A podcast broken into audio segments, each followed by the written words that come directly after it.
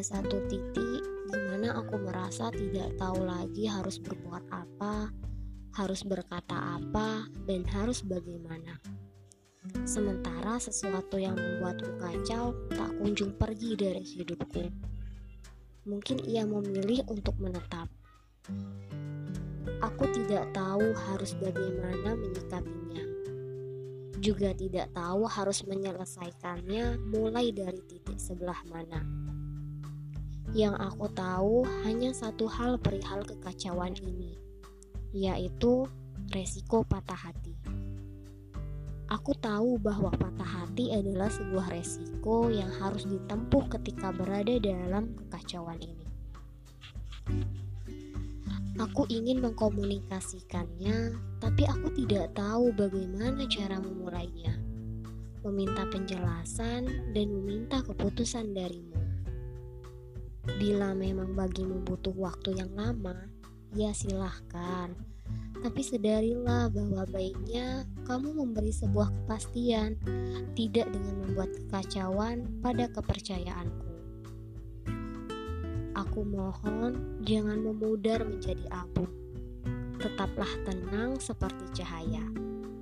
Jangan meninggalkanku di ruangan gelap setelah membawaku bersamamu sampai di pertengahan jalan. Aku mohon jangan meninggalkanku dalam ketakutan dari bayanganmu. Tetaplah nyata seperti sesuatu yang bisa kusentuh. Jawablah atas pertanyaanku yang sudah kuajukan sebanyak dua kali. Kenapa, kenapa, dan kenapa? Meski kamu tetap memberikan jawaban yang sama, jawaban yang tidak berubah, aku dan kamu tetap berada di posisi yang sama. Setelah kita menempuh perjalanan jauh dari rumah dengan meyakinkan keluarga untuk meminta restu keberangkatan dan sesampai di pelabuhan, aku tidak menyangka ternyata sangat ramai. Kita sama-sama kesulitan untuk menemukan satu dengan yang lain. Yang aku tahu, aku terus berjuang mencarimu. Mengingat postur tubuhmu, rambut hitammu, warna kulitmu, juga wajahmu. Aku bukanlah seorang perempuan yang pantang menyerah Mencarimu lalu menemukanmu adalah resiko yang harus kulakukan. Karena kamu telah meminta kita bertemu di sini untuk berlayar dengan kapal yang sama. Sayangnya, ada banyak praduga yang muncul ketika hela napasku terus memburu dan keringatku mulai membasahi kerudungku. Entah kenapa aku baru terpikir untuk waktu yang cukup lama mencarimu, akhirnya aku kembali mempertanyakan.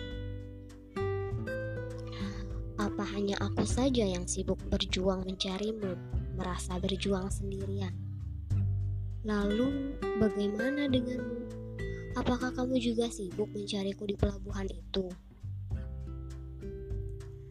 Apa hanya aku saja yang merasa takut bahwa kita tidak akan bertemu ketika di pelabuhan?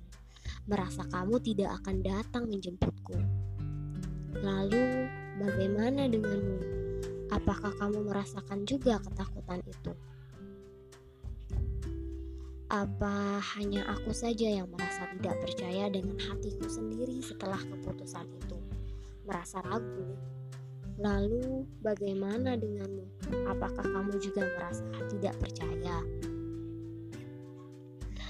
Sekali lagi, sampai saat ini aku masih tersesat sendiri di pelabuhan, enggan melangkah ke kapal sendirian. Karena tujuanku adalah berlayar bersamamu, bukan seorang diri. Sampai saat ini, aku terus meyakinkan hatiku bahwa ini adalah keputusanku apa pun resikonya. Mati-matian aku harus meyakini diriku bahwa kamu akan menepati janji untuk menemui dan berlayar denganku. Karena sejauh ini aku masih menaruh kepercayaan padamu. Memang Tidak ada yang bisa memastikan apakah kita bertemu di pelabuhan itu atau tidak. Atau malah aku akan kembali ke rumah, mengurungkan diri untuk berlayar setelah berhenti mencari dan menemukanmu. Atau aku akan berlayar dengan seseorang yang lain yang membantuku menemukan jalan di masa depan dan yang ternyata seseorang itu bukanlah kamu.